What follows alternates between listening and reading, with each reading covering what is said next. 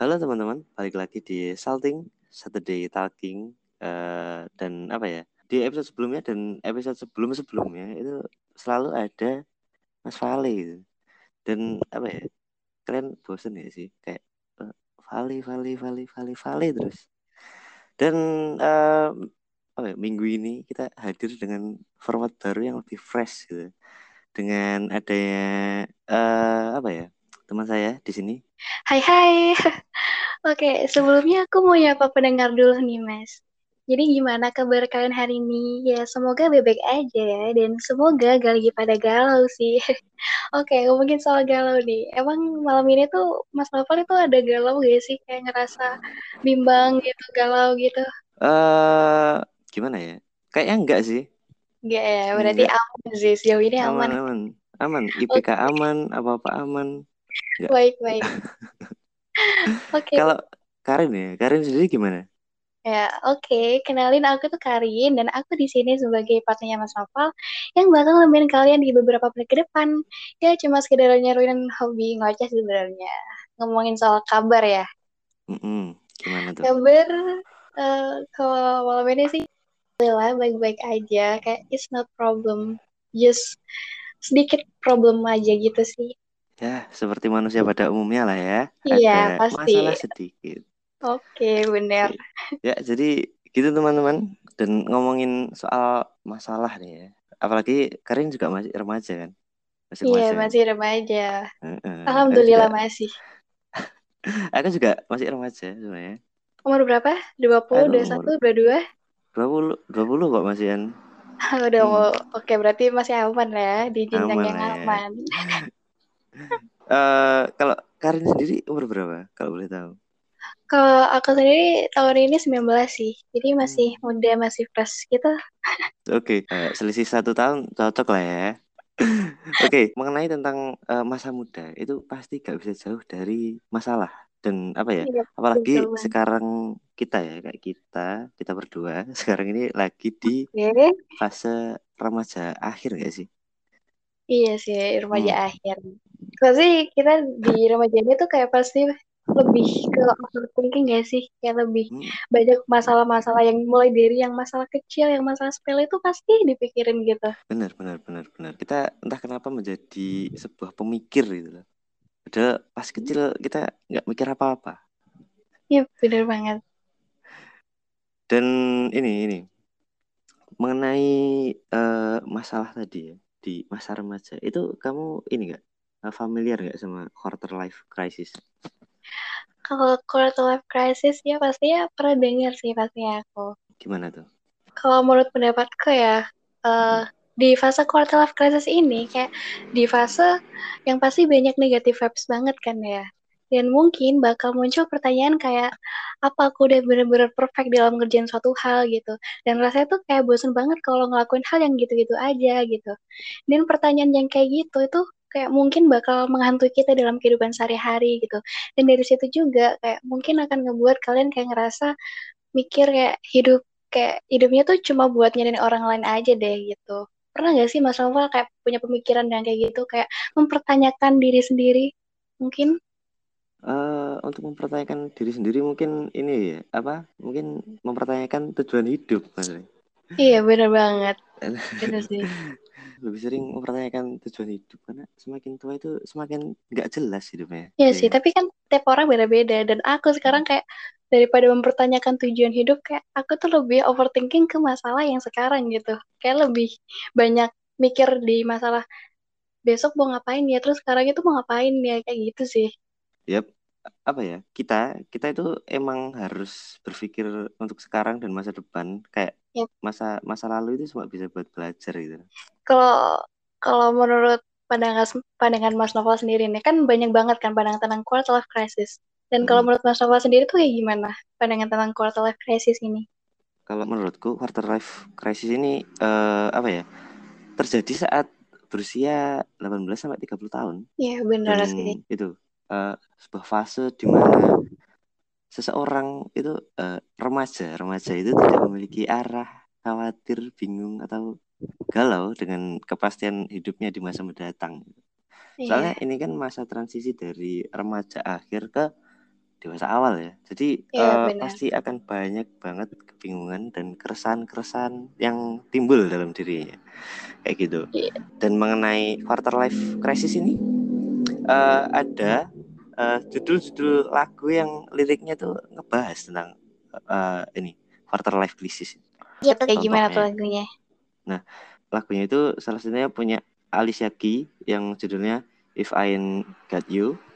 Jadi yep judulnya ini uh, menceritakan kisah tentang seseorang yang mendambakan kebahagiaan yang sesungguhnya. Uh, meskipun kata orang-orang uh, kebahagiaan itu bisa diperoleh dari harta, uh, kemasyuran, kekuasaan, ataupun ya sekedar bersenang-senang lah. Namun arti sebenarnya dari sebuah kebahagiaan adalah kita memiliki seseorang di sisi kita untuk bersandar dan berbagi cerita. Iya, benar gitu. banget. Karena kalau tujuan hidup kayak gak ada seseorang yang di samping kita tuh kayak hampa kayak hambar gitu gak sih hampa hampa dan apa ya ya Adam pun pasti akan kesepian kalau nggak ada Hawa iya sih benar benar banget. Kayak gitu. Dan ini nih ada satu judul lagi yang aku rekomendasiin buat kalian. Uh, lagunya Hayakim sama Pay yang judulnya Hello Goodbye. Jadi lagu lagu Hello Goodbye ini bercerita tentang kebencian mereka terhadap kekurangan-kekurangannya, tapi nggak hmm. pernah melakukan tindakan apa pun untuk memperbaikinya itu. Jadi ya seperti umumnya remaja lah ya, hanya bisa menyesal. Ya. Jadi kayak intinya tuh kayak sekarang tuh lagi ngebicara tentang overthinking permasalahan mm. yang yang dihadapin sama remaja zaman sekarang gitu guys sih? Bener. Jadi kadang-kadang overthinking itu pas kita overthinking tapi kita nggak tahu mau ngapain gitu iya gak sih iya bener kayak cuma yang kita lakukan itu cuma bingung doang tanpa ngelakuin hal apa pun gitu benar dan apa ya kalau kalian penasaran sama lagu Hello Goodbye ini udah ada di IG-nya Mugi di at Mugi Winsa bisa langsung okay. uh, eh, kunjungi dan dengerin teasernya yep. betul banget oke okay. kita back uh, kembali ke topik nih jadi okay. uh, eh, kamu sebagai remaja nih ya, punya keresahan gak sih selama menjadi selama menjalani hidup sebagai remaja? Selama menjalani hidup sebagai remaja, oke. Okay. Hmm. Sebelum sebelum masa remaja sebelum masa remajanya itu dicabut ya dari lisensi uh. gitu. Oke, okay, kalau ngomongin iya, kalau ngomongin keresahan sih pastinya ada ya. Kan gak cuma aku doang pasti Mas Nova juga punya keresahan sendiri kan. Pasti pasti. Oke okay, kalau aku boleh cerita sedikit nih ya. Jadi sebenarnya sih sebelum sebelumnya tuh hidupku tuh kayak roller coaster gitu. Jadi naik turun terus gitu. Dan pastinya semua orang tuh juga mengalami yang sama kan ya? Karena aku sendiri itu nggak hidup di dunia yang terus naik tanpa masalah gitu dan very happy untuk long time.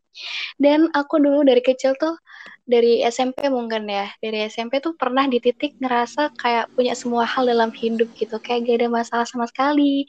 Ngerasa kayak jadi queen di real life gitu but sampai di titik kayak diputar balikin 90 derajat gitu kayak banyak masalah mulai dari keluarga lingkungan sosial terus yang paling utama itu pasti masalah tentang diri sendiri kan ya. Dan masalah tentang diri sendiri ini mungkin yang pasti banyak terjadi ya sama anak-anak zaman sekarang gitu. Kayak ngerasa aku sendiri tuh ngerasa kayak terlalu banyak hal yang terjadi dalam life span waktu yang singkat gitu. Kayak dalam jangka waktu setahun, dua tahun, itu kayak kita tuh bingung mau fokus something out yang mana dulu karena saking banyaknya hal-hal yang perlu diselesaikan. Jadi fase-fase remaja awal ini ini ya uh, menyenangkan lah sampai jadi queen of real life gitu. Jadi okay, apa ya? Iya, tokoh utama, tokoh utama di di dunia lah. Iya iya benar benar banget. Tapi tapi gini, tapi gini, tokoh utama itu pasti dapat masalah gak sih? Semua tokoh nggak cuma tokoh utama sih. Semua enggak. tokoh pastinya dapat masalah. Tokoh figuran enggak kalau tapi kalau menurutku figuran juga dapat cuma masalahnya tuh nggak terlalu ditonjolin gitu yang ditonjolin itu paling. iya ditonjolin itu yang tokoh utama itu anu masalahnya gajinya sih ya cuma itu sih iya benar masalah gaji sih perbedaannya itu sangat tinggi gitu yeah. Oke, okay, dan kalau aku sendiri ya, kalau ditanya tentang keresahan, itu pasti ada. Dan salah satunya tuh kayak gini nih menurut aku kayak ekspektasi dari orang orang lain gitu. Kan pasti banyak tuh dari orang selalu punya ekspektasi tinggi gitu terhadap diri kita. Dan mungkin itu yang bakal ngebuat kita itu mikir beberapa kali setiap mau ngelakuin suatu hal gitu. Jadi kayak terkontim terkontaminasi sama pikiran-pikiran orang gitu. Dan terus mungkin dalam hal kayak pertemanan ya kayak Hmm. bisa dibilang kayak waktu-waktu masa SMP SMA itu kayak kita kan punya banyak banget teman kayak, kayak punya banyak pergaulan di mana-mana gitu ya. Tapi kayak seiring jalannya waktu tuh kayak ngerasa mereka tuh pada punya kesibukan masing-masing di dunia baru mereka gitu. Bener gak? benar benar benar Nah, people kalau come and go. Oke. Iya. atau Mas Novel Mas Novel sendiri tuh kayak ngerasa punya something gak sih yang beda gitu? Mungkin punya keresahan apa gitu? Ah, something yang beda. Ini sih kalau sesuatu yang beda mungkin ini ya pas SMP pas SMP itu eh, entah kenapa aku kayak cupu gitu loh. Kayak cupu gitu cupu. cupu oke masih masih kalem-kalem gitu ya. Ya cupu lah gitu. Terus eh, entah kenapa pas SMA itu eh, aku bisa berubah itu entah karena apa ya mungkin itulah ya. Apa sih? Ya cuma itu sih mungkin yang beda.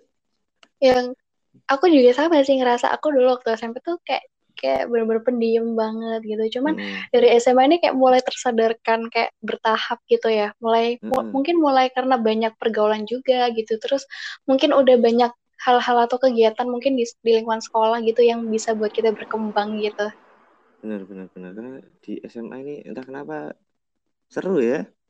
Iya kalau menurut aku ya SMA ini lebih seru daripada SMP gitu. Iya emang seru SMA dan apa ya eh, untuk kalian yang SMA-nya tahun 2019 sampai 2021 oke. cukup dengarkan cerita kami aja ya.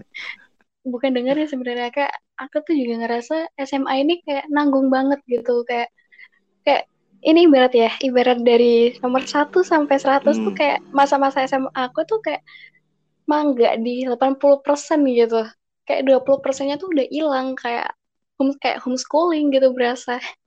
Oh iya kamu angkatan 2020 ya? Iya aku angkatan wow. 2020 salah Makanya satu tuh- korban.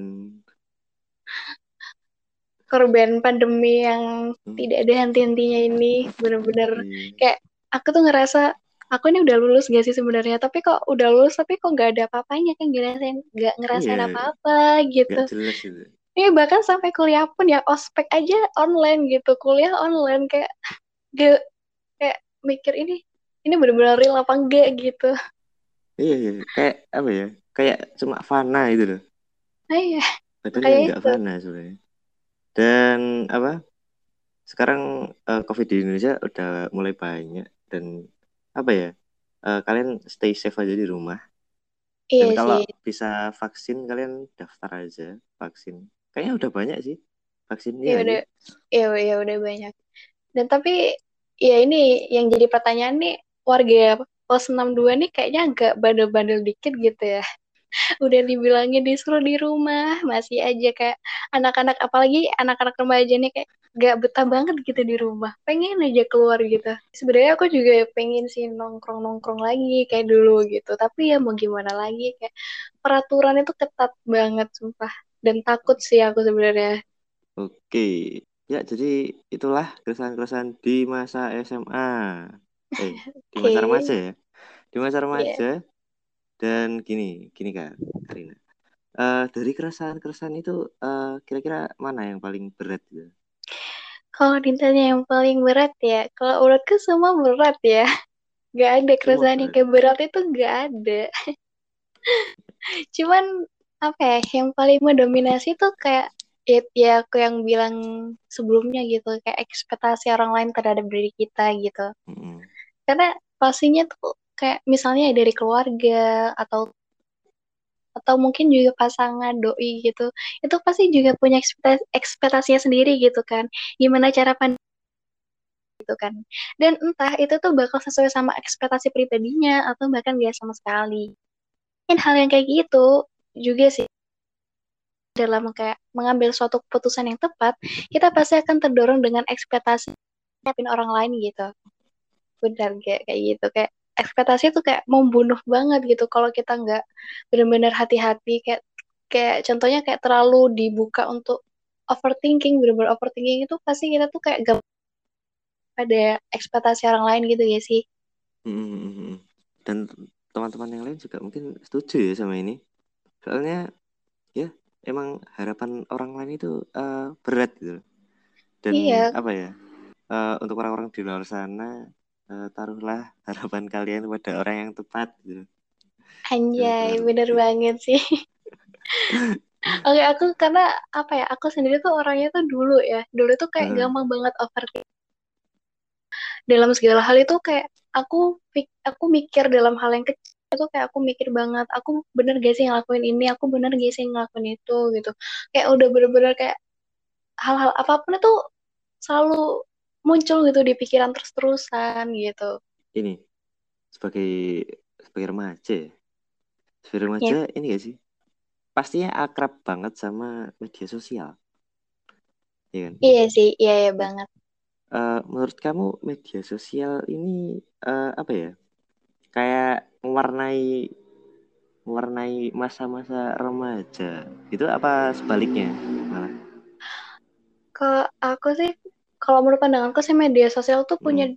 dampak baik dan dampak buruk ya hmm. pasti ada lah di situ dan pasti semua orang juga tahu kan tapi kalau menurut aku media sosial ini apa ya seimbang sih antara dampak baik dan dampak buruknya juga gitu.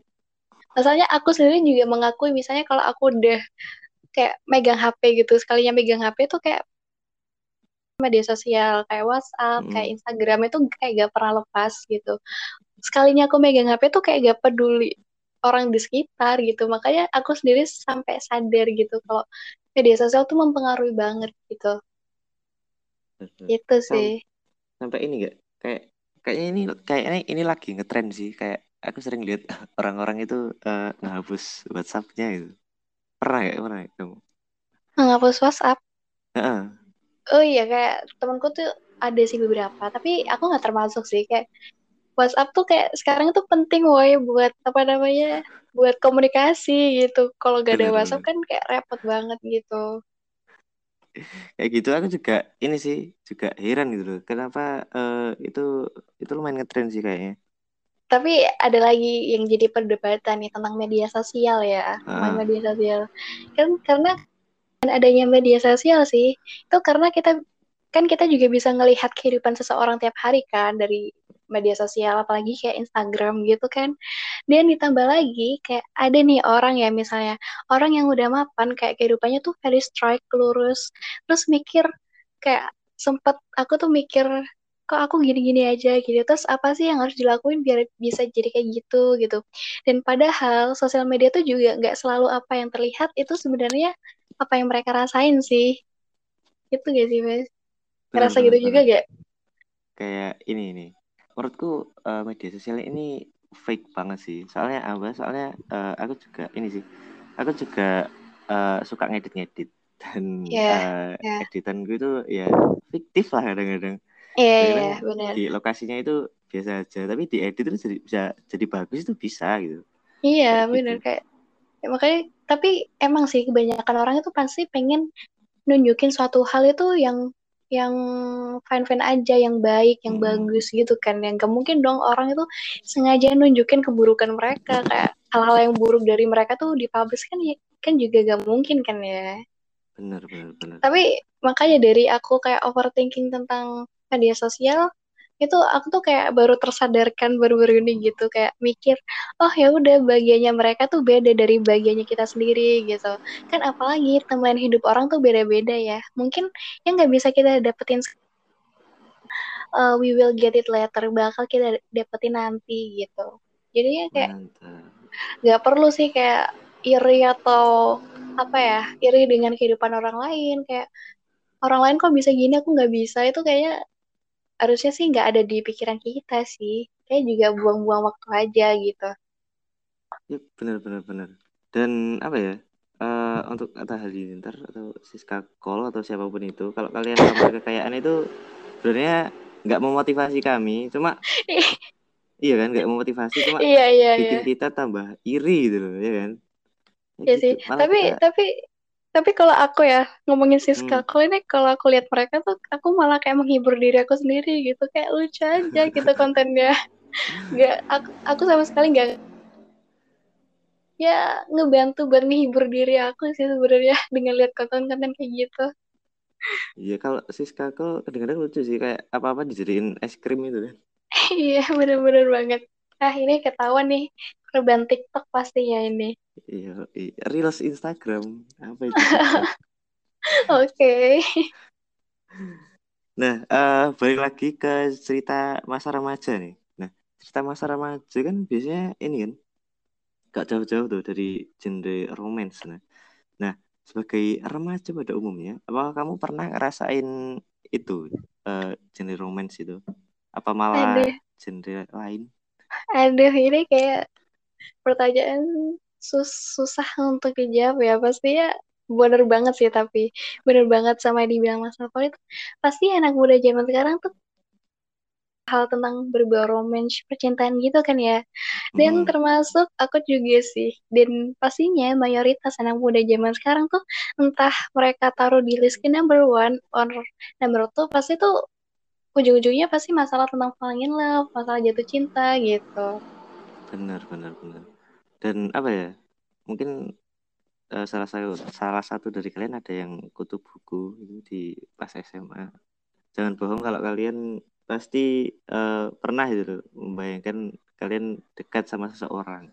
nggak sekalipun sekalipun kalau menurutku ya sekalipun anak yang baru berkutu buku mereka tuh pasti ada pernah ngerasain perasaan yang bergejolak gitu kan mungkin nggak mungkin nggak Yoi. aku di waktu SMP sih mulai dari SMP gak sih mulai dari SMP tuh biasanya ngerasain kayak gitu Oh, kalau SMP aku enggak sih. Eh, Kayak SMP enggak sih kayaknya. masih masih masih masih Polos lah, iya masih polos intinya Polos. ya. Aku bahkan mungkin sampai sekarang juga masih polos sih. oke masih polos ya Polos berarti banget. tinggal tinggal lebih belajar lagi tinggal Iya. mempersiapkan apa-apa yang kurang gitu jadi nanti kalau udah tanggal mainnya closein aja mas gitu Heeh, ini masih sibuk cari tutor aku. Oke YouTube. Nah, eh, oke. Balik lagi ke topik. Jadi setelah itu eh, yang tadi itu setelah apa ya cinta-cintaan tadi lah ya. Eh, kira-kira apa sih yang berubah dari hidup kamu setelah itu? apa yang berubah ya apa ya mungkin kalau yang berubah sih ya pastinya tentunya semua hal kalau waktu kita suka sama seseorang atau kita ngejalan hubungan sama seseorang pastinya berubah ke arah yang positif dulu kan ya. Dan mungkin Mm-mm. udah familiar banget kan kalau kehidupan saat kita kayak suka sama someone gitu. Dan kayak sama sih kayak kebanyakan orang pasti di masa di masa manis-manisnya gitu. Dan tapi ini sih, Tris sih mau tanya dulu Mas seben- sebelumnya. Iya, gimana tuh? Emang emang bener ya kayak kebanyakan cowok tuh cuma kalau kata-kata remaja zaman sekarang tuh cowok tuh cuma berjuang doang di awal gitu. Berjuang di awal doang gitu kayak ngasih perhatian di awal dan sebagainya itu di awal doang gitu. Bener gak sih kayak gitu? Kan Eh, selaku mewakili cowok-cowok di dunia ini gitu ya. Sih, Siapa nggak barangkali. nggak mau mewakili mereka sih sebenarnya. Oke. Tapi Terus gini, serius. Kayak ini, eh, aku ada dua, dua jawaban ya. Kalau kalau aku sendiri ya, kalau aku sendiri tuh enggak, enggak, oke enggak dong. Kalian belum bisa percaya bisa. ini kok. Iya iya Aku bisa. aku tipikal orang yang apa ya, yang udah aku kerjain di awal itu ya juga harus selesai gitu. Oke, buat para pendengar ini dicatat ya. List Dicatat. pertama, ya dicatat dulu. Siapa tahu mau mendaftarkan, menawarkan diri gitu. Boleh, Boleh. boleh, boleh. Oke, yang kedua apa tuh? Nah, jawaban keduanya adalah nggak tahu sih, tergantung cowoknya sih sebenarnya. Kalau dia emang dasarnya apa ya, buaya, ya buaya. Gitu. Oh, Buaya oh itu gitu ya. Heeh, emang kalian sebagai cewek itu sebenarnya harus eh, pintar gitu loh, milih-milih. Iya Kalian sih. harus lebih selektif gitu. Jangan cuma Tapi karena dia ganteng terus eh, langsung gas itu jangan, jangan. tapi kalau nginget dulu. Iya benar-benar banget. Tapi kalau nginget kebanyakan cowok yang berjuang di awal itu kayak ada Hmm. satu kalimat yang benar-benar familiar. Pasti semua cewek bakal mikir sama aja ya. Gitu sih pastinya. Kata-kata itu yang udah kayak booming banget gitu gak sih? Oh, Semua cowok tuh sama aja gitu. Kalau kalau sama aja berarti aku sama kayak apa? Bapak bapakmu, bapak Iya iya benar-benar tidak benar. sama, tidak sama. Oke, Kalian so oke, hmm, so gimana? mungkin karena karena mungkin terlalu bahagia ada saat ngejalin hubungan tuh kayak sampai kita sadar kalau suatu saat itu pasti ada masalah yang datang gitu. Dan jujur lih ya di sini tuh mas posisiku tuh bukan sebagai yang harmonis yang bahagia banget di fase kayak lagi ngejalin hubungan tuh enggak. Karena jujur aku di sini tuh sebagai yang tersakiti sih sebenarnya. Jadi kayak gak punya banyak kata buat kalau ditanya apa yang berubah setelah jatuh cinta tuh kayak gak ada kayak dikit banget gitu. Ya, kenapa itu loh? Kenapa para kalian kalau cowok-cowok di luar sana itu jangan ini kalau kalau pacaran itu jangan sering-sering gitu loh menyakiti orang. Karena uh, dari situ para cewek-cewek ini trauma gak sih kadang-kadang? iya sih maksudnya Iya. iya iya trauma trauma banget Kalau kalau trauma kita baik-baik terdampak. ya pasti traumanya nggak jauh-jauh ah apa sih semua cowok tuh sama aja Nah, itu itu kalimat kalimat apa ya? itu traumanya cewek tuh gitu. Curse word, curse word. Jangan jangan dikatakan kalimat terkutuk.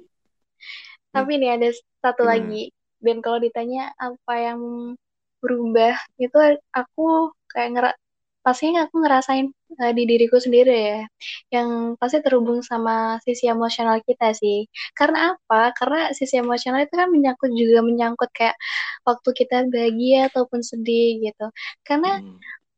Waktu kita lagi jatuh cinta dan atau mungkin ngejalin hubungan dengan someone itu pasti sisi emosional kita tuh meningkat dua kali lipat. Karena apa? Karena waktu-waktu di masa kita ngejalin hubungan itu kayak kita tuh banyak banyak lebih banyak mikir ya sih? Kayak mikir mulai dari hal yang sepele sampai hal yang dibesar-besarkan gitu. Mungkin misalnya ya kalau buat uh, kalian-kalian yang pada PT yang pada lagi PDKT itu pasti kalian itu mikir gitu oh dia lagi ngapain ya? Dia beneran serius nggak sama aku? Dia beneran suka nggak sih sama aku? Biasanya kan gitu gitu ya. Mungkin karena dampak itu gitu kita tuh lebih jadi emosional kita tuh meningkat dua kali lipat gitu. Mungkin kita yang awalnya nggak pemarah gitu terus gara-gara Hmm. kayak mungkin sikapnya dia berubah atau nggak sama di awal itu kita tuh jadi kayak lebih dua kali lipat lebih gampang marah dalam hal-hal yang sepele gitu jadi kayak lebih berpikirnya kita tuh lebih ditekankan gitu waktu kita ngejalin hubungan atau kita lagi suka sama someone gitu sih kalau menurut aku Uh, tapi gini, ini beda sama uh, fakta lapangan yang pernah ini, yang pernah aku temui gitu. gimana tuh uh, apa ya? Kalau se apa ya? Selama aku hidup ya, selama aku hidup anjir. oke okay. Sama pengalamanku itu uh, apa ya? Cewek-cewek itu uh, kadang-kadang cuek gitu loh. Gak tahu kenapa kadang-kadang cuek terus balasnya lama gitu. Itu apakah mungkin gitu, mereka tidak merasakan hal yang sama? Enggak sih, karena kalau menurut pandangan aku sendiri ya, Hmm. karena aku juga sebagai cewek itu kayak sama sih punya dua opsi. Itu yang pertama itu emang ceweknya tuh kayak nggak terlalu nggak terlalu suka kalau di chat sama sama cowok-cowok lain kayak emang dia tuh kayak belum mau dideketin sama cowok lain gitu. Hmm. Tapi ada lagi nih yang kedua kayak mereka tuh emang sebenarnya tuh mereka tuh nggak cuek cuma karena mereka gengsi aja gitu menjaga harga diri mereka karena mereka kan juga nggak tahu emang cowok itu beneran beneran serius sama mereka atau cowok itu main-main aja gitu jadi ngapain apa ya ngapain misalnya friendly di awal gitu kayak gak cuek dia Hmm. gitu kan ya mending cuek di awal dulu kayak kita tuh juga ngelihat cowok itu gimana gitu gitu sih menurut aku kan tergantung Gitu ya? beda-beda pemikiran juga gitu. Uh, Oke, jadi gini, uh, ini mungkin statementku ini bisa pikiran cewek-cewek ya. Yang jadi gimana? sebenarnya cowok itu kalau kalau udah terlatih ya udah, ter, udah terlatih mendekati cewek itu kalau digituin kan pasti kayak udah pernah nih paling gini gini gini gitu. Pasti Iya. ya itu. Jadi apa ya dia bakalan berjuang di awal kayak gitu karena sudah terlatih. Jadi dan kalau beginner ya kalau beginner itu uh, kayak aku ini masih pemula masih nyoba nyoba lah. Nyoba itu uh, pas ngechat terus dibalasnya lama itu langsung overthinking. Kayak wah dia ini nggak suka nih sama aku. Terus ya udahlah nggak uh, tak chat lagi. Kayak gitu. Ya iya. Cowok mikirnya gitu. Dan sementara kalau di posisi cewek itu ya kalau misalnya kalau cowoknya udah nggak balas lagi cewek tuh kayak bakal mikir wah ini emang bener sih dugaan aku dari awal. Ini bener-bener gak mau serius gitu. Cowok tuh kayak lebih penasaran aja gitu. Makanya dia kayak mau deketin kita mau ngechat kita tuh cuman karena penasaran aja gak sih itu hmm. sih kalau menurut pemikiran cewek tuh ya sama-sama ruwet ya ruwet karena sama anda itu anda mewakili cowok saya mewakili cewek gitu jadi ya bakal bisa ketemu gitu ya sebuah perdebatan yang tidak akan pernah ada akhirnya. Iya benar banget. Oke, jadi uh, daripada berdebat yang tidak ada akhirnya, kita langsung aja ke pertanyaan selanjutnya. Gitu. Betul banget. Mm -hmm. uh, gini nih, Tar. Uh, selayaknya kisah cinta pada umumnya ya, pasti ada pertemuan yang paling manis di antara kalian dan disusul dengan perpisahan yang paling pahit. Uh, easy come and easy go, kayak gitu. Nah, gimana cara kamu bisa move on dari sana? Kayak ngomongin soal move on ya. Mm-mm. Kayak sebelumnya mau nanya dulu nih. Kalau menurut Mas Novan sendiri nih, Mas Novan sendiri nih, jatuh cinta tuh apa sih maknanya gitu? Oke, kalau kalau menurutku ya, ini definisi novel 2021. Oke. Okay. Uh, menurutku uh, jatuh cinta itu saat kamu menemukan orang yang bisa mengisi kekosongan kamu. Gitu jadi uh, saling saling melengkapi aja kalau mm. contohnya kalau uh, simpelnya ya kalau di, diajak ngobrol nyambung soalnya uh, menurutku uh, salah satu apa ya hal penting dalam sebuah hubungan itu komunikasi ya nggak sih iya benar-benar banget ya kalau itu ya itu merupakan berarti dari yang aku tangkap itu masih dalam konteks bahagianya, masih dalam bahagianya, masih kayak pemikiran jangka pendek gitu, belum pemikiran jangka panjangnya kan. Waduh. Oke, okay. kalau aku sendiri ya, kalau aku sendiri jatuh cinta itu adalah kepada siapa kita bersedia buat patah hati, wow. gitu. Itu menurutku. Karena apa? Karena kita tuh kayak selalu ya mungkin dengan mengakhiri masa kejombloan kita gitu kita berharap bakal bisa dibahagiakan dengan someone atau pasangan kita gitu dan karena uh, ada lagi nih waktu jam PDKT tuh kayak someone tuh kayak ngasih perhatian lebih dan intinya tuh kayak bakal uh, nimbulin ekspektasi baru gitu dengan kebahagiaan yang mungkin bakal dikasih sama orang tersebut gitu dan tapi nih, sayangnya kayak kita tuh sering lupa kalau kebahagiaan itu nggak bakal datang dengan sendirinya kan. Pasti ada masalah, pasti ada halangan gitu. Dan sebagai timbal balik juga kan dari kebahagiaan yang kita dapetin gitu. Itu sih. Oke, ya kayak gitu ya. Jadi uh, lebih ke arah uh, apa ya? Mempersiapkan diri untuk kemungkinan terburuk gak sih? Kayak gitu. Iya sih. Dan aku ada saran sih, kayak mungkin terutama buat Mas Noval nih ya, buat prepare dan buat kalian juga di luar sana. Ini nih, kalau dari aku ya, kalau kalian mau falling in love, kayak jatuh cinta gitu, kayak gak usah buru-buru gitu. Kayak gak usah, kayak, oh cowok ini tuh kayak kayak fisiknya udah oke, okay, penampilannya oke, okay, sifatnya oke, okay, langsung gas gitu. Itu sebenarnya gak, per, gak, gak boleh gitu sih sebenarnya. Karena apa ya dalam menjalin suatu hubungan atau kita menentukan orang itu oke okay atau enggak gitu kita tuh harus memutuskan dan memikirkan baik-baik gitu loh. Karena sebelum memutuskan statement yang yang good gitu kayak harus step back dulu ke belakang gitu. Kayak pikir apa benar itu keputusan yang tepat gitu karena kalau kita kayak terlalu buru-buru ya apalagi dalam hal falling in love gitu kan kesannya kan kita kayak yang terlalu berekspektasi terlalu banyak sama dia gitu karena padahal kita tahu kalau ekspektasi yang bakal ngebuat diri kita down gitu Karena harusnya tuh apa pun yang terjadi dalam hidup tuh adalah akibat dari keputusan yang kita ambil sendiri gitu. Jadi ya gak usah lah buru-buru kalau kalau misalnya udah ketemu sama cowok atau cewek yang dari baru aja kita lihat perfect gitu jangan langsung digas gitu. Karena sesuatu yang buru-buru itu hasilnya itu pasti gak bakal baik gitu. Tapi tapi gini tapi gini. Uh, nggak nggak selamanya sesuatu yang buru-buru itu akan tidak akan menghasilkan sesuatu yang baik. Karena uh, proklamasi kita sendiri itu buru-buru iya sih tapi iya. maksudnya nih beda konteks ya. Beda konteks. Tolong ini beda konteks. Kalau kalau okay. masalah menyangkut negara itu boleh tapi kalau ini boleh. masalah hati itu kayak susah. Kalau udah kita ter terperosok jurang tuh susah gitu buat ngembalikin yang dari awal tuh gitu maksudku. Karena uh, jatuh itu lebih mudah daripada mendaki ya? Iya sih benar tapi mendakinya udah susah-susah gitu. Jatuhnya sih, iya jatuhnya tinggal ya udah tinggal jatuh aja. Gitu uh-uh. so selanjutnya tuh ya kalau buat uh, move on tuh ya ada beberapa statement sih. Dan yang pertama itu tuh kayak harus merelakan.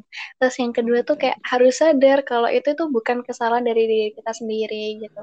Dan terakhir itu kayak menyibukkan diri dengan hal-hal yang yang mengandung unsur kayak positive vibes gitu. Kayak mungkin ya kayak main sama temen gitu. Mungkin juga main sama pacar temen gitu. Boleh gak sih sebenarnya? Jangan oh, dong.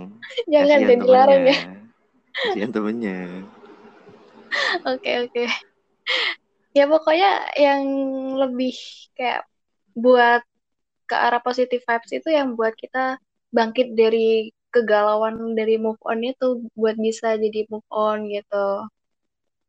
Dan yang selanjutnya itu kayak pikiran sih yang utama dalam hal move on itu. Karena menurutku sih kayak pikiran itu harus kita arahin gitu. Karena apa yang kita fokuskan tuh kayak akan mempengaruhi perasaan kita sendiri gitu. Dan ada hal yang bisa kayak ngalihin pikiran kita ke lebih positive thinking gitu. Kalau dari aku sendiri ya mas ya. Yang hmm. bisa kayak bener-bener ngebuat aku kalau lagi dalam fase move on atau kayak dari lagi fase down-downnya gitu pasti ada satu hal yaitu musik sih sebenarnya. Udah. Musik. Eh dari aku sih musik. Karena kalau menurutku ya musik tuh bisa membawa dampak ada dua apa ya ada dua pandangan sih. Ada dampak negatif dan positif juga kan pastinya buat kita. Karena hmm. apa ya negatifnya kalau menurut aku biasanya ya ada nih ya temenku nih.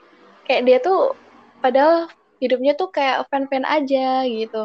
Kayak nggak ada dia nggak lagi patah hati gitu. Tapi dia tuh kayak bilang gini, kok aku kayaknya pengen galau ya gitu. Akhirnya dia dengerin lagu-lagu galau gitu, supaya dia bisa jadi gitu.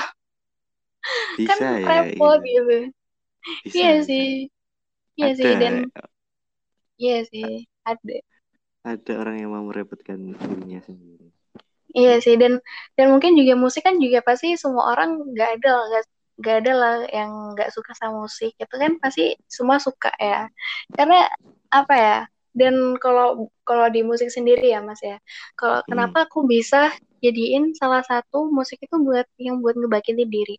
Karena apa ya? Kalau aku dengerin musik tuh ya misalnya kalau aku lagi di posisi down itu pasti aku kayak nyari musik itu yang kayak tapi yang enggak terlalu hiperaktif juga musiknya. Genrenya tuh kayak yang genre slow gitu. Terus aku juga pasti lihat dulu kayak arti musiknya tuh kayak gimana makna musiknya gimana. Karena hmm. kalau aku ya dengan dengan mendalami makna musik itu kayak aku tuh kayak lebih termotivasi gitu. Oh bener ya yang dikatain yang uh, terpapar dalam arti Liriknya. musik uh, terpapar hmm. dalam liriknya tuh kayak aku tuh harus ngelakuin yang kayak gitu juga gitu. Jadi kayak buat lebih semangat aja gitu. Kalau aku sih gitu sih. Bener-bener. Aku juga uh, setuju sih sama kamu. Soalnya ini uh, pas uh, ngedit kan aku sering edit kan? Ngedit kan butuh yeah. mood yang jelas. Iya yeah, benar nah, cara untuk uh, mendapatkan mood yang baik itu gimana? Kalau aku uh, biasanya uh, ritual ritualnya ritualnya itu uh, nyetel musik. Iya yeah, benar-benar dan dan karena ini uh, aku suka sama semua jenis musik itu yep. jadi gampang sih. Kecuali musik India. Kamu suka nggak sama musik India? Aku suka aku ya kalau dari urutan kalau di urutan yang nomor satu itu karena aku cewek aku pasti suka Hmm, K-pop. Itu K-pop. adalah genre musik pertama yang aku suka. Yang kedua dari musik barat Asia gitu. Terus yang ketiga itu ya musik India. Kayak musik gak ada yang musik nyangka lokal. gitu. Musik lokal sih kayak setara gitu sama musik India gitu. Astagfirullahaladzim.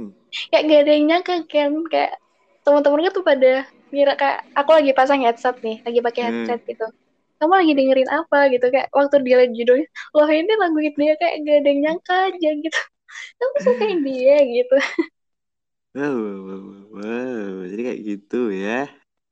Selain ini nih, musik Jepang, Jepang. Jepang gak suka Allah Eh, gak tahu ya kayak kurang kurang dapet aja kayak hmm, kurang dapat pandangannya gitu kalau Jepang ini sudah terlalu melenceng kayaknya. Iya. Jadi ini nih, kamu tadi kan ini kan apa mem- memberi tips gimana caranya bisa move on dari orang-orang yang sudah meninggalkan, meninggalkan meninggal kamu gitu. Nah, dan eh, setelah kejadian itu ya, setelah eh, kamu bisa move on tadi, itu eh, pernah sampai bikin trauma gitu nggak? Atau kayak mati rasa gitu dalam kayak nggak pengen menjalin hubungan lagi kayak gitu misalnya. kalau trauma sih aku traumanya tuh beda kayak mungkin orang-orang tuh kalau pada trauma tuh kayak traumanya tuh oh aku nggak mau apa nggak mau buka hati lagi nggak mau kayak pacaran lagi tuh nggak mau nggak mau cari cowok tapi itu menurut aku bullshit sih kayak cuma Bullshit. sekedar sekedar kata doang gitu padahal aslinya enggak gitu Untuk dan aku orang juga bisa. iya dan Bisa. so aku gak aku juga bakal bohong ya misalnya karena ada kemungkinan besar kayak kita tuh semua itu kalau abis de, abis dari ngejalan hubungan terus kayak gak berjalan lancar putus misalnya itu kan pasti bakal menderita dulu gitu kayak kita tuh mungkin bakal sakit hati kita bakal nangis dan menurutku itu wajar sih karena karena saat kita ngejalin hubungan itu pasti didasari dengan kata-kata tulus ya kan gak mungkin dong kayak ngejalin hubungan itu kayak cuma sekedar status mungkin ada ya beberapa orang yang jalin hubungan tuh sekedar status ya gak sih Ya mungkin Kayak- gabut-gabut. Anu konten Iya. demi konten. Demi Iya, konten. iya bener banget ya Aku kayak mikir banget aduh kayak parah banget sih ini orang cuma ngejar status doang gitu. Ya. tapi dari dari situ kayak wajar aja sih kayak saat kita misalnya putus gitu. Karena kita sakit hati itu wajar karena emang ada banyak harapan yang digantung dari lama gitu. Terus akhirnya tuh kayak nggak berjalan lancar gitu. Ya harapan kayak nggak memenuhi ekspektasi kita gitu. So kalau menurut aku tuh jadi jangan takut sama kehidupan itu. Karena sometimes the time that makes you rise again itu lama kelamaan waktu akan ngebuat kita bangkit lagi gitu. Jadi sebenarnya balik lagi ke mental kita gitu loh. Jadi kalau semua sebelumnya keputusan kita yang ambil itu udah bulat, misalnya kalau kita sebelumnya tuh kita tuh kayak udah yakin, oh aku bener nih dulu ngambil keputusan ini gitu. Tapi padahal kita tuh nggak semua orang itu bisa ngeyakinin dirinya untuk paham itu tuh udah keputusan yang matang-matang, udah yang diambil matang-matang atau belum gitu. Kayak ujung-ujungnya pasti kita di akhir itu bakal mikir mempertimbangkan keputusan yang di awal gitu, mempertanyakan lagi gitu. Benar, benar. Jadi berakit-rakit ber, eh, ber- berakit-rakit dahulu, berenang-renang ke tepian gitu. Iya, Habis habis habis berpisah itu pasti eh, sedih gitu ya. Tapi iya pastinya. kita harus struggle di sana untuk menjalani kehidupan di masa mendatang. Iya. Dan kalau kalau menurut aku ngomongin trauma ini pasti Hmm. iya, tapi karena kita tuh kayak udah kecewa dengan harapan dan ekspektasi kita sebelumnya gitu ya. Jadi kalau menurut aku sih trauma wajar karena tandanya di kemudian hari itu trauma itu harus dijadiin bener-bener kayak kalau kita ngebuat keputusan yang matang dan juga kita tuh sebenarnya nih sebenarnya kita tuh sebagai cewek atau cowok itu boleh mas pilih-pilih pilih-pilih pasangan gitu karena Boleh. kalau kita nggak pilih-pilih tapi tapi sebelumnya pilih-pilih itu dalam artian kita tuh kayak pilih pilih-pilih bukan dalam hal materi mate- materialistis atau dalam hal fisik gitu enggak pilih-pilih ini kita tuh harus milih pasangan itu yang klop sama kita gitu mulai dari mungkin apa perilakunya yang baik sifatnya yang baik gitu. Itu wajar sih. Dan kalau kita nggak pilih-pilih itu pasti kita akan jatuh ke lubang yang sama gitu. Dan akan kecewa buat yang kedua kalinya gitu. Dan jadi trauma di sini tuh punya function to help agar kita lebih bijak dalam mengambil keputusan gitu dan aku Benar, sih benar. kayak gak pernah ngerasa trauma ya karena yang aku butuhin tuh cuman kayak gimana sih kita bisa bijak kalau ngadepin masalah yang sama gitu jadi trauma ini lebih ke to be a bridge dijadiin jembatan aja agar kita itu lebih baik dari sebelumnya gitu sih Oke, jadi gitu guys. Eh sebuah kiat-kiat untuk menghadapi patah hati ya, bisa iya dibilang. bener banget Jadi eh intinya intinya itu sebenarnya eh simple, simple. Kalian itu punya portofolio yang bagus di dunia percintaan. Kayak kalian itu udah sering pacaran gitu, kayak pacaran sana sini sana sini kayak gitu. Nanti eh, lama-lama kuat gitu. Patah hati itu bukan sebuah hal yang berarti lagi gitu. Kayak makanan sehari-hari lah. Kayak gitulah. Gimana deh Sal ya? ya karena kalau kita nggak punya list sendiri kayak kita nggak punya statement buat diri sendiri tuh kayak kita bakal ngambil langkah yang salah gitu Yo, iya kayak gitu. Jadi mungkin untuk apa ya? Untuk para buaya di luar sana, mereka itu sebenarnya nggak niat nyakitin, cuma iya eh, bikin portofolio yang bagus saja kayak gitu. iya iya iya benar-benar Ya untuk para perempuan-perempuan sana di nggak usah nggak usah sakit hati karena ya mereka cuma apa menitih karir lah ya bisa dibilang. Ya mungkin mereka belum kayak menemukan sisi apa ya sisi sadar mereka belum mungkin belum tersadarkan akan pentingnya sebuah kehidupan gitu Ah, ya suram suram suram. iya iya Eh, ngomong-ngomong tentang kehidupan nih ya, eh, gimana kehidupan kamu setelah itu? Tetap abu-abu itu apa udah warna-warni kayak gay? kalau kehidupan ya ya pastinya kayak harus harusnya sih fan-fan aja ya karena kita tuh harus sadar kalau punya mental kebal gitu kayak harus lebih bertanggung jawab atas kebahagiaan diri sendiri gitu. Dan harus juga ngebuktiin kalau kita tuh kuat.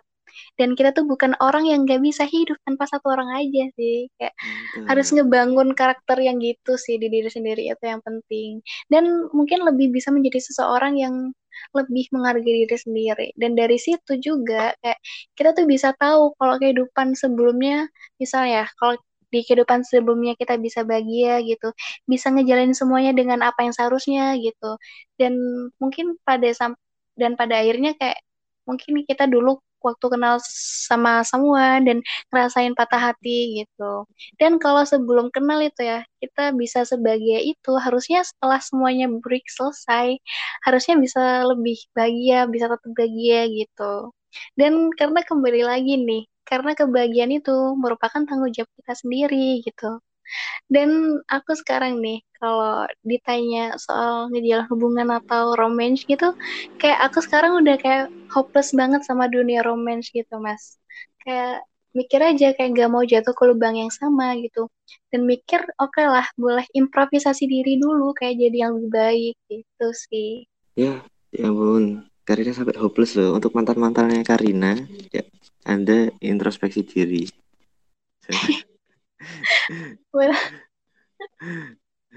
Ya, kayak gitu ya. Dan bener eh, dalam menjalani hubungan apa percintaan itu emang harus kuat mental ya kayaknya ya. bener banget, kok harus kuat mental. Kalau kita nggak kuat mental, kita gampang rubuhnya, kita bakal lebih gampang jatuhnya gitu. Heeh.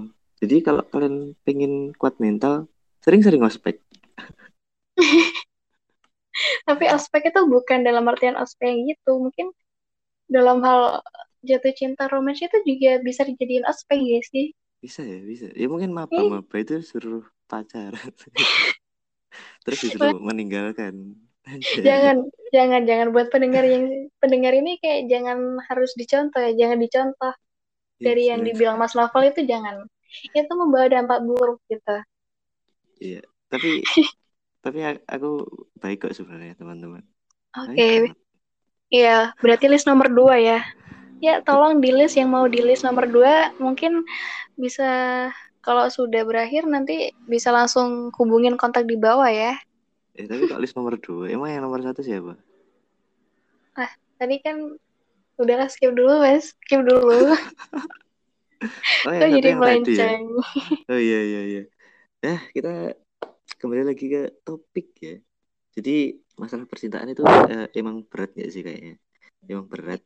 Nah Iya. kira-kira kamu ada pesan nggak dari kamu buat orang di luar sana yang ada di eh, fase quarter life crisis tapi krisisnya itu di masalah percintaan gitu Oke, dan kalau saran aku ya, dan mungkin Mm, ini bukan untuk masalah percintaan aja gitu, mungkin dari dari semua masalah juga. Dan kalau ini ya, dilihat dari pengalamanku sendiri nih, mungkin mm, beberapa waktu lalu kayak aku tuh sempat di fase bingung gitu. Tapi bingung itu yang bikin aku sadar kalau ada sesuatu yang harus aku selesaiin gitu. Sama kan kayak kita, misalnya kita yang lagi sakit fisik, itu kan juga sebagai tanda kalau misal ada sesuatu yang gak beres di dalam tubuh gitu kan ya. Jadi menurutku tuh ya, quarter life crisis ini itu merupakan pengingat buat diri sendiri sih. Kayak hidup itu cuma sekali, jadi jangan disia-siain hanya karena hal yang sebenarnya itu bisa dilewatin gitu. Dan selanjutnya itu kayak lebih nggak terlalu ngikutin standar dari kehidupan sosial sih. Karena sebenarnya standarisasi itu nggak ada.